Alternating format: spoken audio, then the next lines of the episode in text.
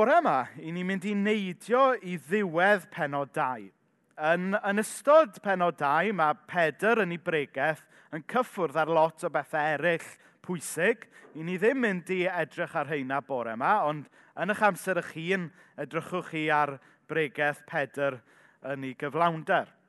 Ond i ni'n mynd i neidio i'r darn ar ddiwedd penod 2, le ni'n cael y portread yma o fywyd yr eglwys fore. I ni'n cael portread o'r gymdeithas oedd yna yn yr eglwys fore yn dilyn yr atgyfodiad. Mae 2000 o flynyddoedd a mwy wedi pasio, mae amgylchiadau'n wahanol, mae cymdeithas wedi newid. Ond dwi'n meddwl y gallwn ni fel eglwys heddiw ddysgu rhywbeth gwerthfawr iawn o'r portread yma sydd gyda ni yn yr eglwys fore. A dwi'n meddwl bod rhywbeth allweddol iawn yn y portread yma os ydy ni o ddifri am lunion bywyd eglwysig ni heddiw er mwyn cyflwyno Iesu i Gymru mewn ffordd fwy effeithio falle na da ni yn gwneud rwan. Felly darlleniad um, cymharol fyr bore yma o actau 2 adnod 42 ymlaen roedden nhw'n dal ati o ddifri, yn dilyn beth oedd yr apostolion yn ei ddysgu, yn rhannu popeth, yn bwyta a dathlu swper yr arglwydd ac yn gweddio gyda'i gilydd. Roedd rhyw ymdeimlad o ryfeddod dofn yn eu plith nhw. Roedd yr apostolion yn gwneud gwirthiau rhyfeddol oedd yn dangos fod Dyw gyda nhw. Roedd pawb oedd yn credu yn teimlo bod nhw'n un teulu – ac yn rhannu popeth gyda'i gilydd. Roedden nhw'n gwerthu eu heiddo er mwyn gallu helpu pwy bynnag oedd mewn angen. Roedden nhw'n dal ati gyfarfod bob dydd yng nghwrt y deml ac yn bwyta a dathlu swper yr arglwydd yn hau ei gilydd. Roedden nhw'n moli dew ac roedd agwedd pobl tuag atyn nhw yn bositif iawn. Roedd mwy a mwy o bobl yn ymuno â nhw ac yn cael eu hachub gan ddew bob dydd. Bydde bendith Dyw ar ei air i ni. Na mae hwnna'n bortread hyfryd iawn ydy, o fywyd, o gymdeithas, yr eglwys fore. A wath i ni fod yn onest, mae yn bortread gwahanol i reality. Bywyd eglwysig yn y rhan fwyaf o gymunedau trwy Gymru heddiw. Does dim angen i fi spelio y peth allan. Mae reality ysbrydol Cymru, mae reality bywyd eglwysig trwy rhan fwyaf o gymunedau'n gwlad yn glir i bob un ohono ni. Si roed e mewn i Google Images neithiwr, mae pob pregaeth dda yn dechrau gyda Google Images, um, closed chapels, a'r llun yma wedi gymryd oddi ar wefan y Western Mail, a'r, ar arwydd ar y drws yn dweud y cyfan, dangerous building, keep out ac eglwys leol yma, heol dŵr yng Nghaerfyrddin, eglwys lewyrchus ddim mor bell a hynny yn ôl, a bellach wedi cael. A falle bod chi yn dod o gymuned, o bentre, o dre, lle os yw'r capeli neu'r eglwysi heb gau eto, falle bod nhw ar ei gliniau, fod nhw ar ei traed olaf. So mae sylwedd bywyd eglwysig mewn lot o gymunedau ar draws Cymru yw gynnal oedfa'r fore di syl a dyna ni. Dim byd mwy i fywyd eglwysig na hynny. Dim gweithgarwch canol wythnos, dim sôn am wir gymdeithas fel rhan o fywyd yr eglwys. Dwi'n cofio Dennis Young yn dweud wrtha unwaith. Dwi ddim di sôn am Dennis unwaith wrtho sen, so mae'n iawn i fi cael sôn amdano fe unwaith eto. Oedd Dennis yn dweud wrtho fi, pa mor greiddiol a chweddol i fywyd eglwys ydy gweddi a'r cyfarfod gweddi. A mae Dennis yn dweud mai y cyfarfod gweddi yw, yw engine room yr eglwys. Mae bywyd gweddi ydy engine room bywyd e- eglwysig. Ac oedd Dennis yn dweud bod e bron yn gallu synhwyro wrth bregethu o gwmpas eglwysi'r ardal. bod Byddai bron yn gallu synhwyro ar y sil o ran y gymdeithas ac ysbryd yr eglwys os fi oedd yna weddio o gwbl yn ystod yr wythnos. Be sy'n amlwg iawn wrth edrych ar y portread yma yn llyfr yr actau yw bod yn bywyd eglwysig ni a siarad yn gyffredinol nawr yn yn gwlad wedi crwydro yn bell iawn. Felly, be dwi eisiau ni wneud bore yma, di edrych ar y portread yma. Nid fel ffordd i wneud i ni deimlo yn rybys, ond fel ffordd o'n tanio ni. I fynd yn ôl i fod yn ffyddlon i beth ydy eglwys go iawn. I fynd yn ôl ydy be mae'r gair yn dweithio ni, y dyle bywyd eglwysig sy'n cael ei fyw yng ngoleini ar atgyfodiad ac yn llawn o'r ysbryd glân edrych fel. So'r pwynt cyntaf sy'n codi ydy'r dan yma, roedden nhw'n dal ati o ddifri yn dilyn beth oedd yr apostolion yn ei ddysgu. Nawr, yn gyntaf, mae'n amlwg fod ymrwymiad ac ymroddiad gan y Cresnogion cynnar yma.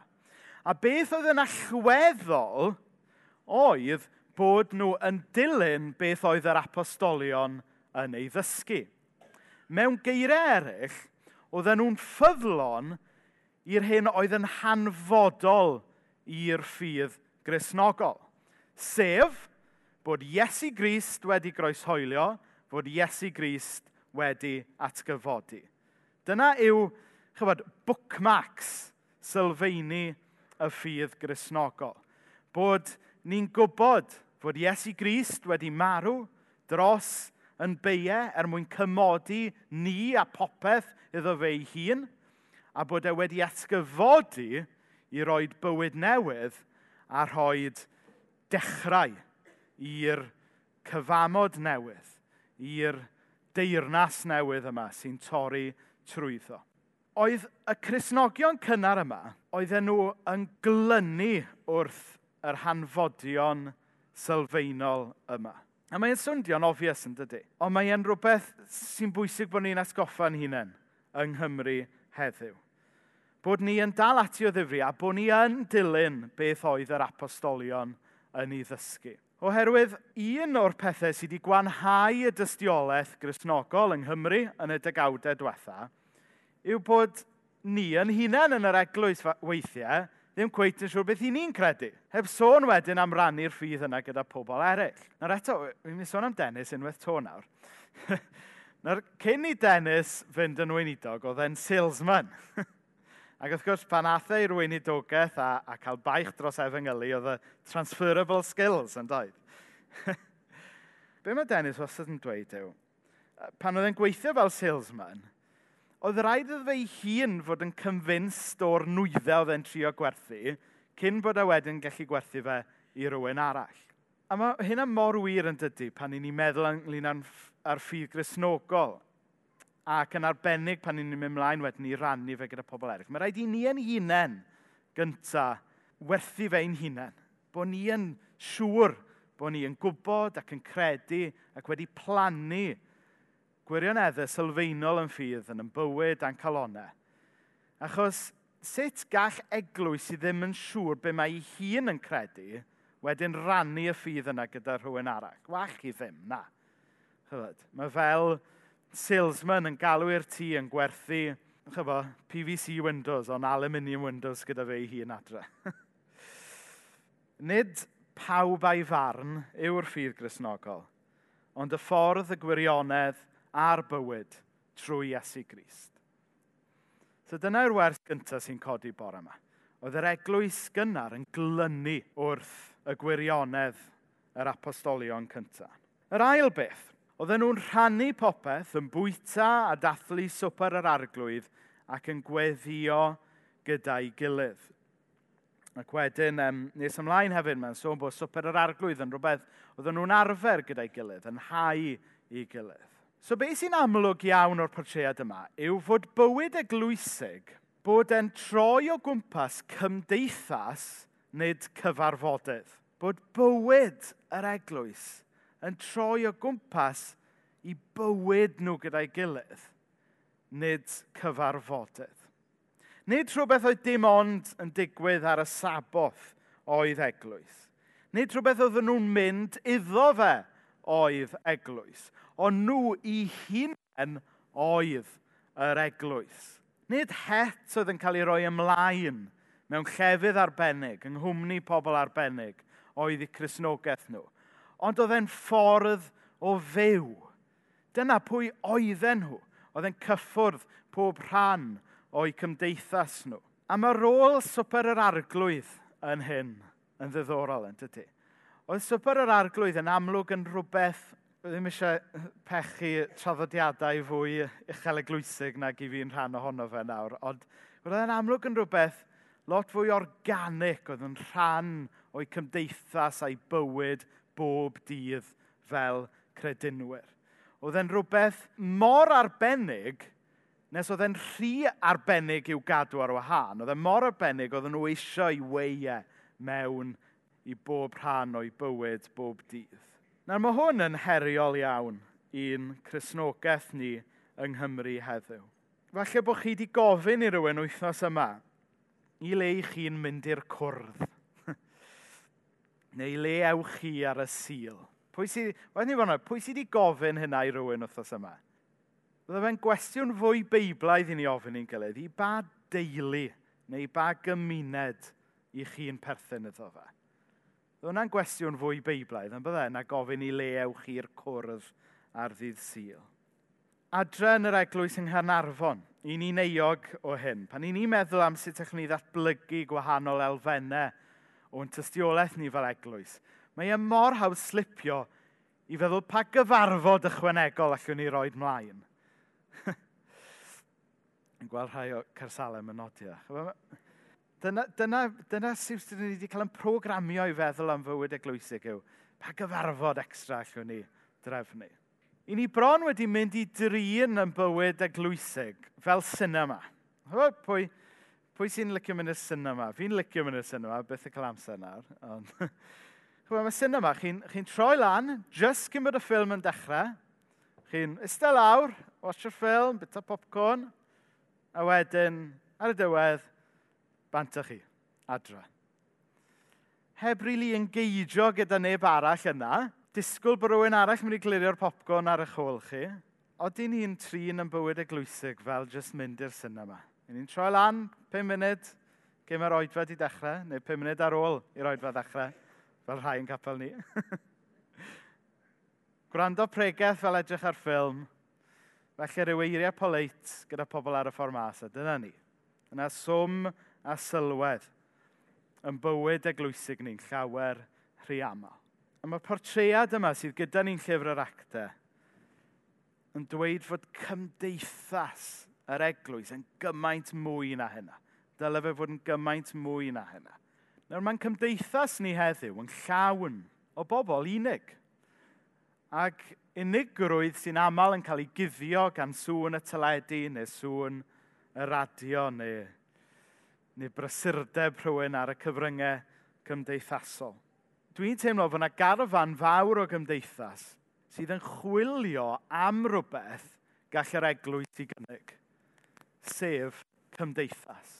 Dwi'n meddwl, oedd, oedd Tristan ar y llwyfan, wyt ti yma bore yma Tristan, ydy? Oedd, oedd Tristan ar y llwyfan neithiwr. Ac am y tystiolaeth Tristan yn ddiddorol, dwi bron a cael Tristan fyny ar y llwyfan. Ie, yeah, tyd fyny, Tristan, come on. Come on, tyd fyny. Lle mae'r handheld microffon? Na ni. Reit. doedd o ddim yn gwybod bod fi'n mynd i wneud hyn. Tristan, dwi eisiau chdi rhannu rhywfaint y dystiolaeth yn benodol sut oedd teimlo yn rhan o gymdeithas wedi dy arwen di at Iesu. Ti'n eich fi'n meddwl? Na, oce. Okay. Oeddech chdi'n rhan o fywyd yr eglwys cyn bod ti actually wedi dod i adnabod Iesu a oedd hwnna wedi helpu chdi? Gweithio bod fi ddim yn rhoi geirio ni y geg o'r rwan. Na, Ond, di hwnna'n... Hello, clywed fi. Iawn, um, Ia, o'n, i te dwy, os na tair mlynedd yn mynd i'r eglwys a mynd i capel yn dre. Cyn i, cyn i, fi, cyn i fi ddod i goelio, cyn i fi ddod i gredu, cyn i fi ddod i Christian. Um, a ia, ti'n ollol iawn. jyst uh, pan, pan nath ni gyrraedd y capel, a rai, rai na chi sy'n gwybod, nath oedd yn rhaid i fatha stret y we, wedi coelio sydd bin a tio, dechrau darllen Beibl yn y nos a meddwl beth sy'n neud. E. Ond i fi, oedd e just fel bod fi... O'n i'n cyrraedd rwla a oedd pobl just yn gwerthfarogi ni a gwerthfarogi mhlanti a doedd y mhlanti mewn niwsans yna. Um, a, a be ni licio oedd bod, bod yna ystod o oedran yna fyd. A o'n i jyst gael sbio nôl, o'n i gael bendith on. O fod yn rhannu efo rhifenga, y rei pobl ifanc oedd yna, um, ar ei enwedig yr ei hun, a mae, mae Dennis Young wedi cael ei, wedi cael ei sôn yn barod, a dwi mor lwcus bu'n byw ta hanner cam metr i ffwrdd o Dennis, a dwi yna reit aml yn siarad efo. Ond just, y, ta, a dim just Dennis i fod yn deg, efo, ma, ma na, o'n i just yn teimlo bod pobl yn gwerthorogi ni. Ie, yeah, rhywbeth fel yeah, ti'n feddwl? Ie, yeah, ie. Yeah. Yeah. Yeah. Iawn, oce.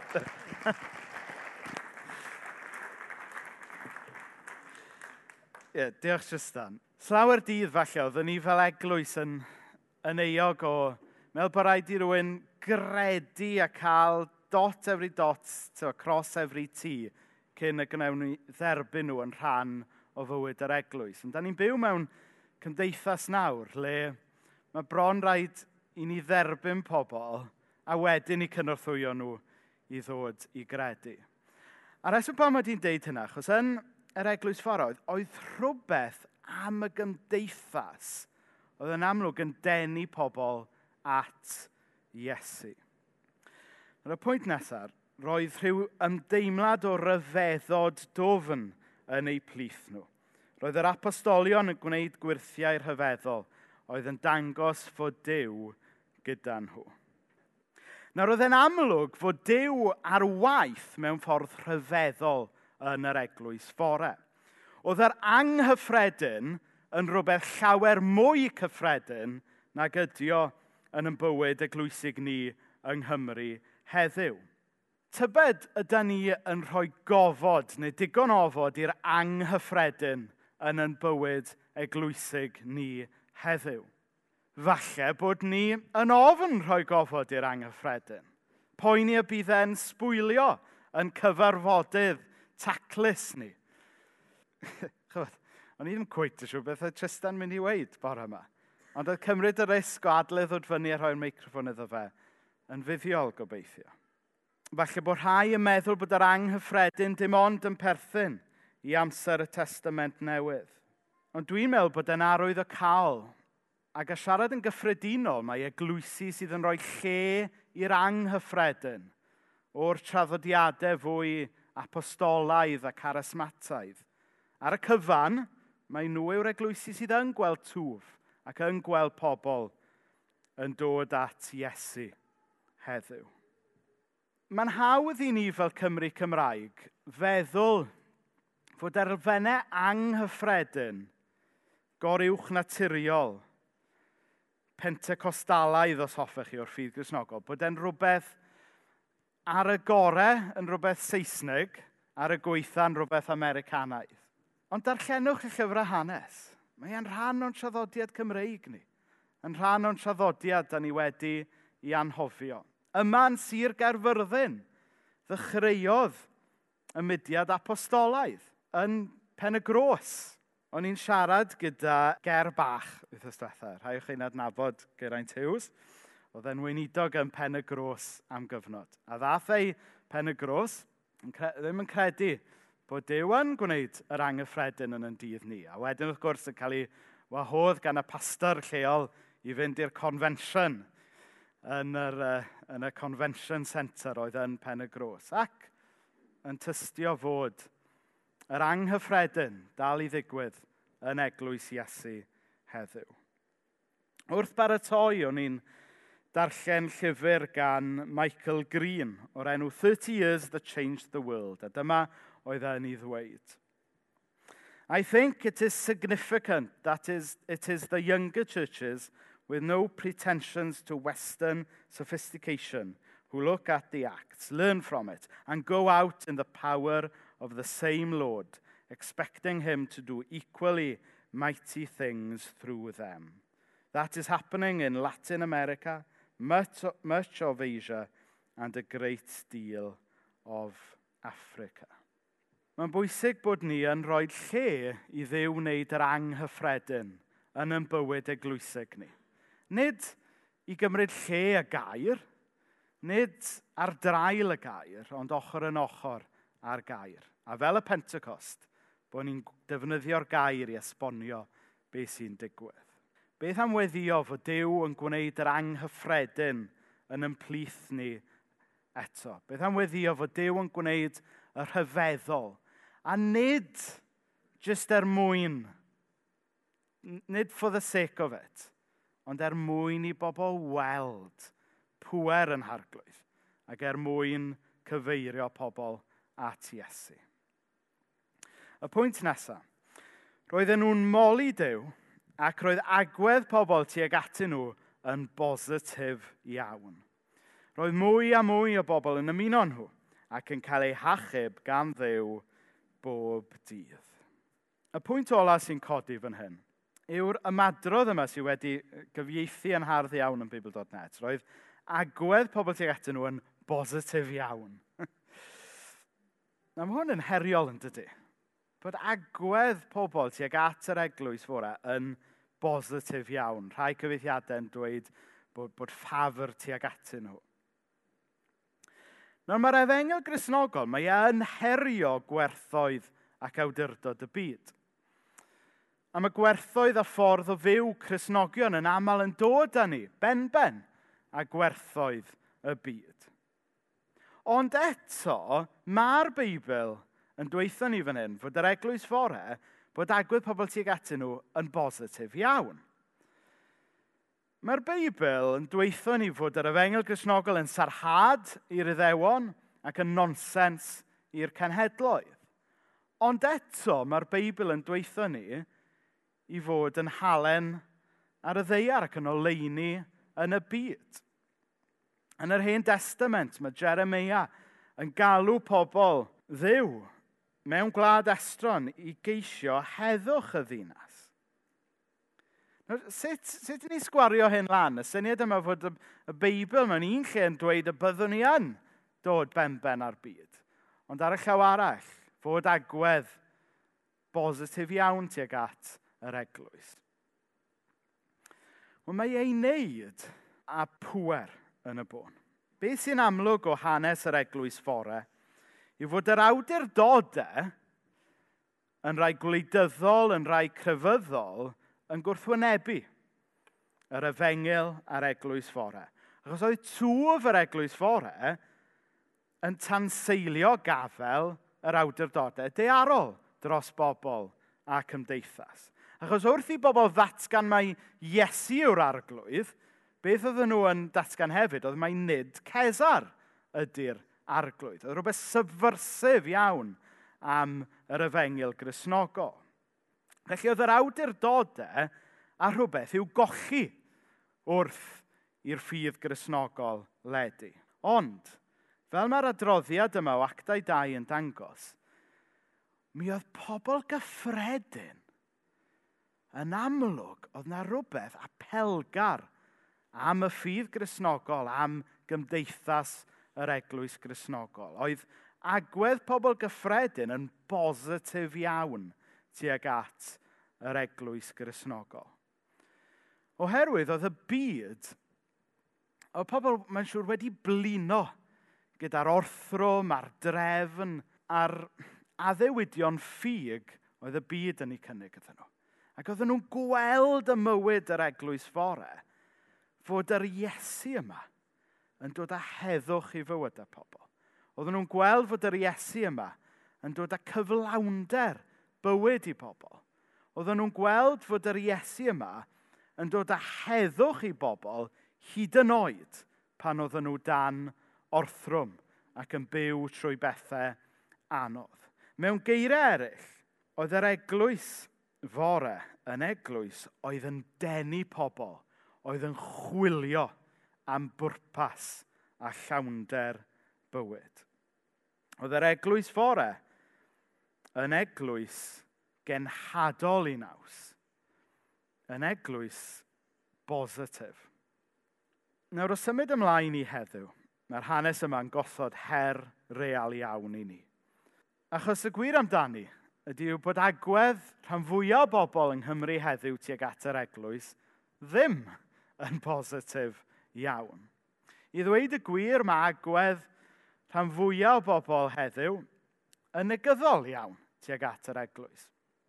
Rhai um, misoedd yn ôl, mae Cameron yma dwi'n meddwl, um, is i mewn i Ysgol Sir Hyw gyda Cameron ag Aled a Brandon. Ac un o'r cwestiynau o'n i'n holi y plant yn y dosbarth oedd Oedden ni, oedden ni'n pwrpas yr ymarferiad, oedd trio engeidio beth oedd eu dealltwriaeth nhw o'r eglwys. Achos tasen ni wedi cychwyn o beth mae'r eglwys yn sefyll yna, fysa ni wedi siarad am Iesu, fysa ni siarad am hyn. So, wnaethon ni ddechrau ffordd ar clwn ac adael iddyn nhw ddeud beth oedd i argraff nhw ar eglwys. A hwb be oedd e'n ril agoriad llygad. Oedd e'n ddigalon iawn i ddeud y gwir.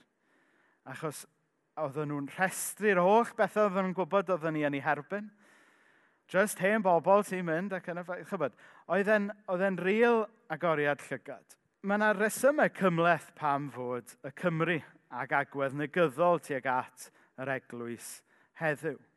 Lot o Gymru wedi cael y ffug grisnogol wedi gorfodi arnyn nhw yn blant. Mae hwnna'n rhan o'r broblem. Rhan arall o'r broblem yw y busnes yma fod llawer o Gymru wedi cael ei nocolitio i'r efengil. Chybod, dwi ddim yn, yn feddyg nac yn wyddonydd, ond gyda inoculation, chybod, chi roed rhyw ychydig o'r afiechyd, nid mod i'n dweud mai afiechyd ydy'r rhif Cresnogol, ond chi'n deall y ddelwedd, bod, bod nhw'n cael rhyw ychydig, rhyw ddiferion o'r efengil falle, wedi gorfodi arnyn nhw'n blant mewn rhyw wasanaeth yn yr ysgol neu rhywbeth. A digon wedyn i ddatblygu rhyw resistance i glywed yr yfengil go iawn. Yr yfengil sydd yn rhoi bywyd. A mae hwnna'n broblem sydd gyda ni yng Nghymru. Mae ystadegau yn dangos fod 46% o Gymru, sef bron hanner, bron un, un o bob dau, 46% o Gymru yn be maen nhw'n galw'n closed de-churched sef pobl sydd wedi bod yn rhan o eglwys rhywbryd, ond yn hollol gaedig i fynd nôl. A mae hwnna'n siocing yn dydy. A mae hwnna'n ril agoriad llygad i ni, ynglyn ag agwedd rhan fwyaf o Gymru tuag at yr eglwys. Felly beth allwn ni wneud mewn ymateb i'r reality yma? Wel, i ddechrau, mae angen i ni fel Cresnogion wynebu y reality. Mae angen i ni dderbyn peth cyfrifoldeb hefyd. Mae angen i ni wneud fel nath arfon siarad o Joel Llynedd. Mae angen i ni rwygo ein calonau yn lle dim ond rhwygon dillad. Cyn i ni bwyntio bus at y byd a dweud, wel, chybod, mae pobl wedi cael calonau, mae pobl yn gaeth i'w pechod. Ond mae eisiau ni edrych arno ni yn hunain gyntaf, yn does? Mae eisiau ni fel eglwys edif ar hau am rhai o'r agweddau, am rhai o'r arferion sydd yn rhan o'n bywyd eglwysig ni, sydd yn rhwystro pobl rhag gallu gweld Iesu. Y reality yw fod y rhan fwyaf o bobl heddiw yn gwybod mwy am beth da ni yn ei erbyn na beth da ni o'i blaid un o'r um, cylchgronau chrysnogol sy'n cyrraedd tîm mam a dad yw um, Evangelical Times. E chi dal yn cael e? Ydych. Wy'n galw fe'n Evangelical Crimes. Achos mae'r... Mae ma, ma bethau da o fe, oce. Okay. Ond mae'r tudlennau cyntaf wastad ynglyn â beth i ni yn ei erbyn. Yfa, mae rhaid chi blymio i ddymderoedd y peth gyn ffeindio unrhyw beth ynglyn â beth ni o'i blaid am yr efengel ei hun, a da ni fel Cresnogion, yn arbennig Cresnogion efengylaidd, yn anffodus, da ni'n cael yn adnabod am beth da ni yn ei erbyn yn hytrach na beth da ni o'i blaid. Yr ail her, mae pobl heddiw yn stryglo i weld gwahan y gwahaniaeth mae'n ffydd ni yn gwneud. Da ni'n dweud bod ni'n credu mewn un peth, mae pobl yn stryglo i weld y ffydd yna'n gweithio hi'n allan – yn yn bywyd bob dydd. I ni'n rhy debyg i'r byd, a nath Gwilym wneud y pwynt yma yn gryf neithiwr. A mae hwn yn her real iawn i, i ni o'r traddodiad efengylaidd, yn arbennig yn yr oes. Dwi'n mynd i ddeud i enw fo? Donald Trumpaidd yma. Pobl ddim yn gweld cysylltiad rhwng y ffordd da ni'n byw yn bywyd a'n cred. Ac yn olaf, mae llawer o Gymru dal i feddwl am grisnogaeth fel diwylliant ddoe. A pan i chi'n camu mewn i'r rhan fwyaf o eglwysu, mae'n hawdd deall pam. Ond na stori ddoniol, y stori o Ogledd Lloegr ydy hi, nid o Gymru. Roi, roi Searle, ffrind, ffrind coleg i Arwel, oedd yn adrodd yr hanes yma. Bod wedi mynd i bregethu i ryw eglwys yn Cymbria, fi'n meddwl, neu, neu rwle ngogledd Lloegr. Ac yn rhyfau iawn oedd y gwasanaeth yn dechrau am 10 munud i 10. Ac oedd rhaid gorffen erbyn 10 munud i 11. A wedyn roi'n gof gofyn i'r diaconiad ar ddiwedd y cyfarfod, pam? Pam yr, pam yr amser rhyfedd yma?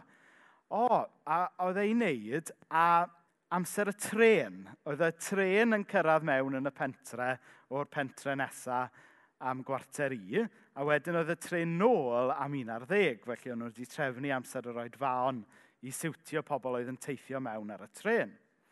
Iawn, yn ei synwyr perffaith.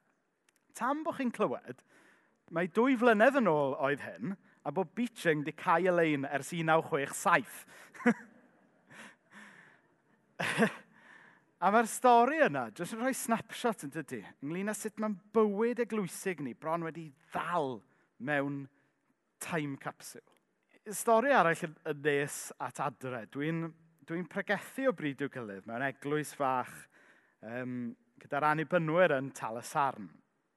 A crew, maen nhw'n bobl hyfryd. a crew bach iawn sydd yna, maen nhw'n bobl hyfryd a dwi'n mwynhau mynd yna a mae'n fraint cael pregethu yna. Ac um, a ni'n gofyn i ysgrifennyddus yr eglwys cyn bod unrhyw un arall yn cyrraedd. A tro cyntaf i fyna, o faint, to, faint ydych chi'n disgwyl yma? Wel, pimp ohono ni yn ei chynnwys hi. Wel, hi? Oedd hi'n siarad am yr organ. Ac, a mae yna eglwys yn drenewydd, dwi'n meddwl, yn does. A mae yna arwydd mawr tu allan. Dyma yw eu cenhadaeth nhw. Come and see our mighty organ. Mae'n hawdd chwerthin a weithiau chwerthin ddilornus am eglwysi eraill, ond gwnewch ni edrych ar yr eglwysi ni yn hunain. I ni'n trefnu yn bywyd eglwysig mewn ffordd sy'n siwtio ni yn hytrach na ailunio'n bywyd eglwysig mewn ffordd i gyflwyno Iesu i'r byd. Nawr, dwi wedi siarad yn y fan yna am rhai pethau, rhai camau ymarferol falle, mae angen i ni gymryd yn ein bywyd eglwysig. Ond mae'n bwysig bod ni yn cofio wrth gwrs, mae cwestiwn ysbrydol yn ei hanfod ydy ennill Cymru at Iesu unwaith eto. Oes, mae yna gamau ymarferol sydd angen i ni gymryd i roed yn tŷ mewn trefn. Ond cwestiwn ysbrydol yw e i ddechrau. I ddechrau mae'n gwestiwn ysbrydol i bob un ohono ni. Chos mae pob diwygiad, revival, wedi cychwyn efo diwygiad reformation yn yr eglwys. Yda ni fel Cresnogion i ddechrau yn barod i ddiw neu rhywbeth newydd yn yn calonau ni ym mywyd yn eglwysu ni. Ac yda ni wedyn, o ddifri, ynglyn â gweddio, a trefnu yn bywydau fel Cresnogion, fel unigolion ac ar lefel eglwys – mewn ffordd le y gallwn ni gyflwyno Iesu i Gymru eto. Roedden nhw'n moli Dyw ac roedd agwedd pobl tuag atyn nhw yn bositif iawn. Roedd mwy a mwy o bobl yn ymuno nhw ac yn cael eu hachub gan ddiw bob dydd. Os gennych chi hiraeth i'r geiriau yma fod eto yn wir am eglwys Iesu Grist yng Nghymru heddiw.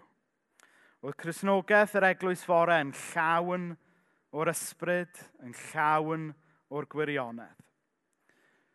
Oedd eu llygaid nhw tua'r nefoedd, ond oedd eu traed nhw ar y ddeiar.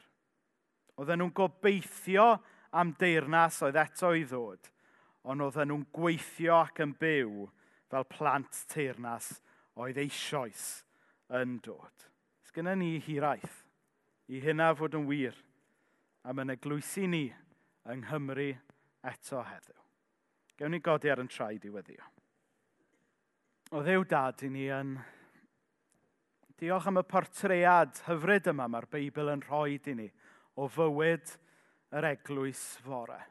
Eglwys oedd yn cynnwys pobl gyffredin, yn eglwys oedd yn cynnwys pobl o gig a gwaed, just fel ni. Pobl gyffredin oedd yn ymddiried mewn dew anghyffredin pobl gyffredin oedd yn dymuno rhannu am y Dyw anghyffredin gyda'i cyd dinasyddion. O ddiw dad, mae yna hiraeth yn yn calonau ni i'r geiriau yma fod yn eiriau gwir am eglwys, dy eglwys di yn yn gwlad ni unwaith eto. Deffra ni o'n trwmgws gysbrydol – sigla ni allan o'n chrysnogaeth gyfforddus dosbarth canol. Gad i ni gymryd risg er mwyn i eraill allu gweld Iesu.